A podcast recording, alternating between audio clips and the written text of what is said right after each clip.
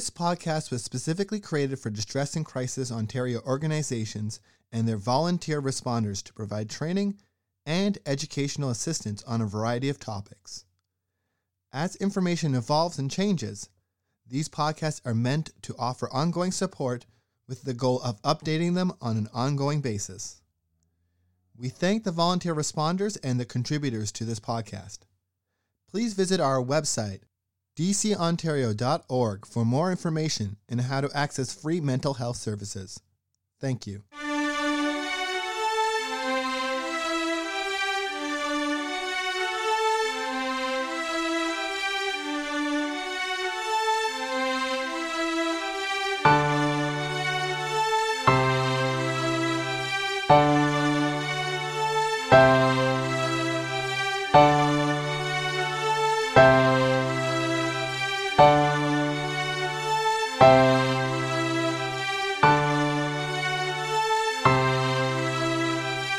Watching COVID 19 continue to be a pandemic, not only here but across the globe, what are some things that people can do to limit the amount of anxiety and stress they may feel on a day to day basis?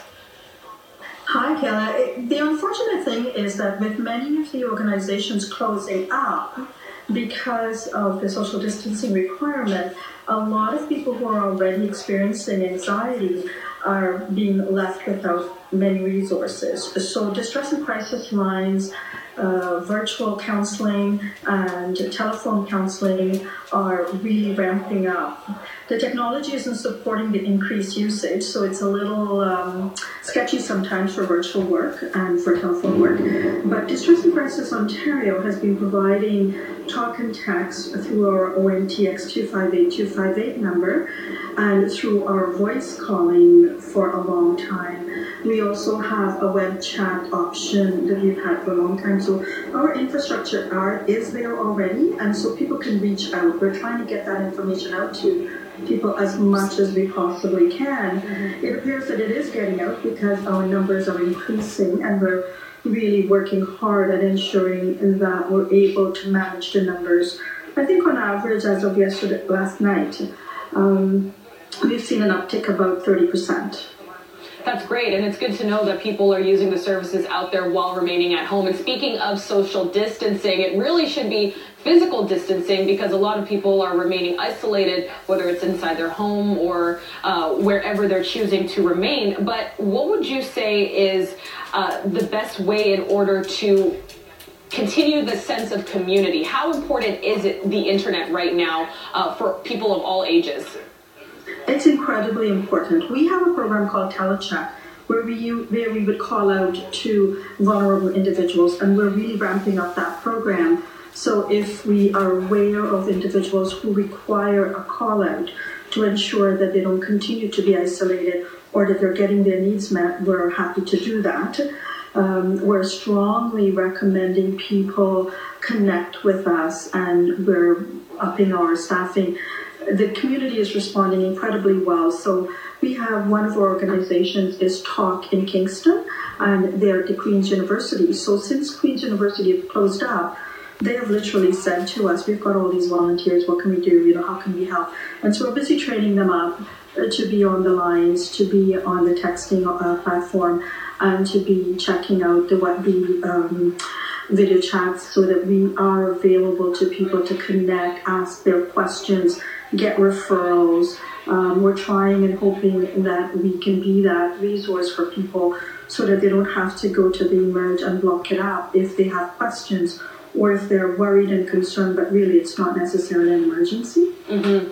And Nita, do you mind speaking to the caregivers as well as medical professionals? Because uh, there's no doubt that their stress and anxiety levels, I'm sure, are through the roof at this point. And so, what are some of the things that we can do to assist? uh, those that are probably feeling the stress of perhaps they've been a caregiver for many times and now because of social distancing they're not able to actually be in touch and in person with their loved ones Exactly. Um, people are so creative. It's incredible. Um, they're going outside of the buildings of places that they can't be and making phone calls. Um, the area that is really struggling the most are developmentally fragile adults who are being cared for by elderly parents. And so it's a double whammy for them.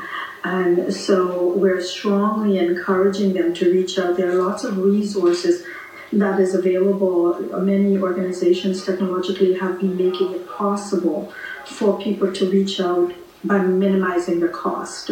So, for example, we worked with iMobile and they were like, um, you know, what can we do? I connected with Rogers and they said, you know, we can hook you up really quickly on technology so that we can expand that option for individuals to reach out to people in all formats. So we're trying to share the information as best as we possibly can. Nita, thank you so much for your time this afternoon. We really appreciate the advice as well as feedback. Nita Gear, she's the executive director with Distress and Crisis Ontario. Some really good tips on how to manage the stress and anxiety levels, Arda, as we continue to manage and go through this COVID 19 crisis. Back to you. Kayla, thank you. Starting to Hi, I'm Damien, one of the editors of the DCO Learning Forums podcast. Over the past year, we've been busy converting our Learning Forums series of videos into podcasts and thinking of new ways to continue delivering new and more in depth content. We've seen the demand, and we're announcing our move to Pinecast and our new tip jar function. Please consider going to tips.pinecast.com slash jar slash distress and crisis Ontario and donating. And in return, we'll be recording new follow up episodes on some of our most popular topics. These will be accessible for tippers only and will help pay for travel, web hosting, etc. For the interim, you'll still be able to access existing content on both on both the Pinecast and Fireside feeds for free, but eventually we'll be making the switch to Pinecast. Thank you for your understanding.